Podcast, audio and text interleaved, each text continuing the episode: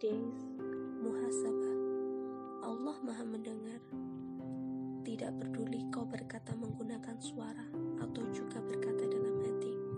Apa pun yang kau katakan Percayalah bahwa Allah mengetahui apa yang ingin kau katakan.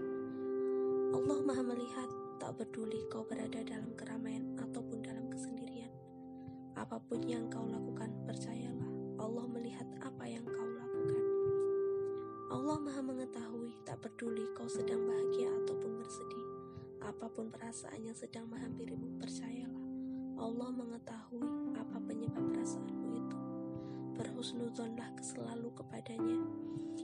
Allah tidak tuli, dia juga tidak buta, apalagi acuh kepada hamba-hambanya.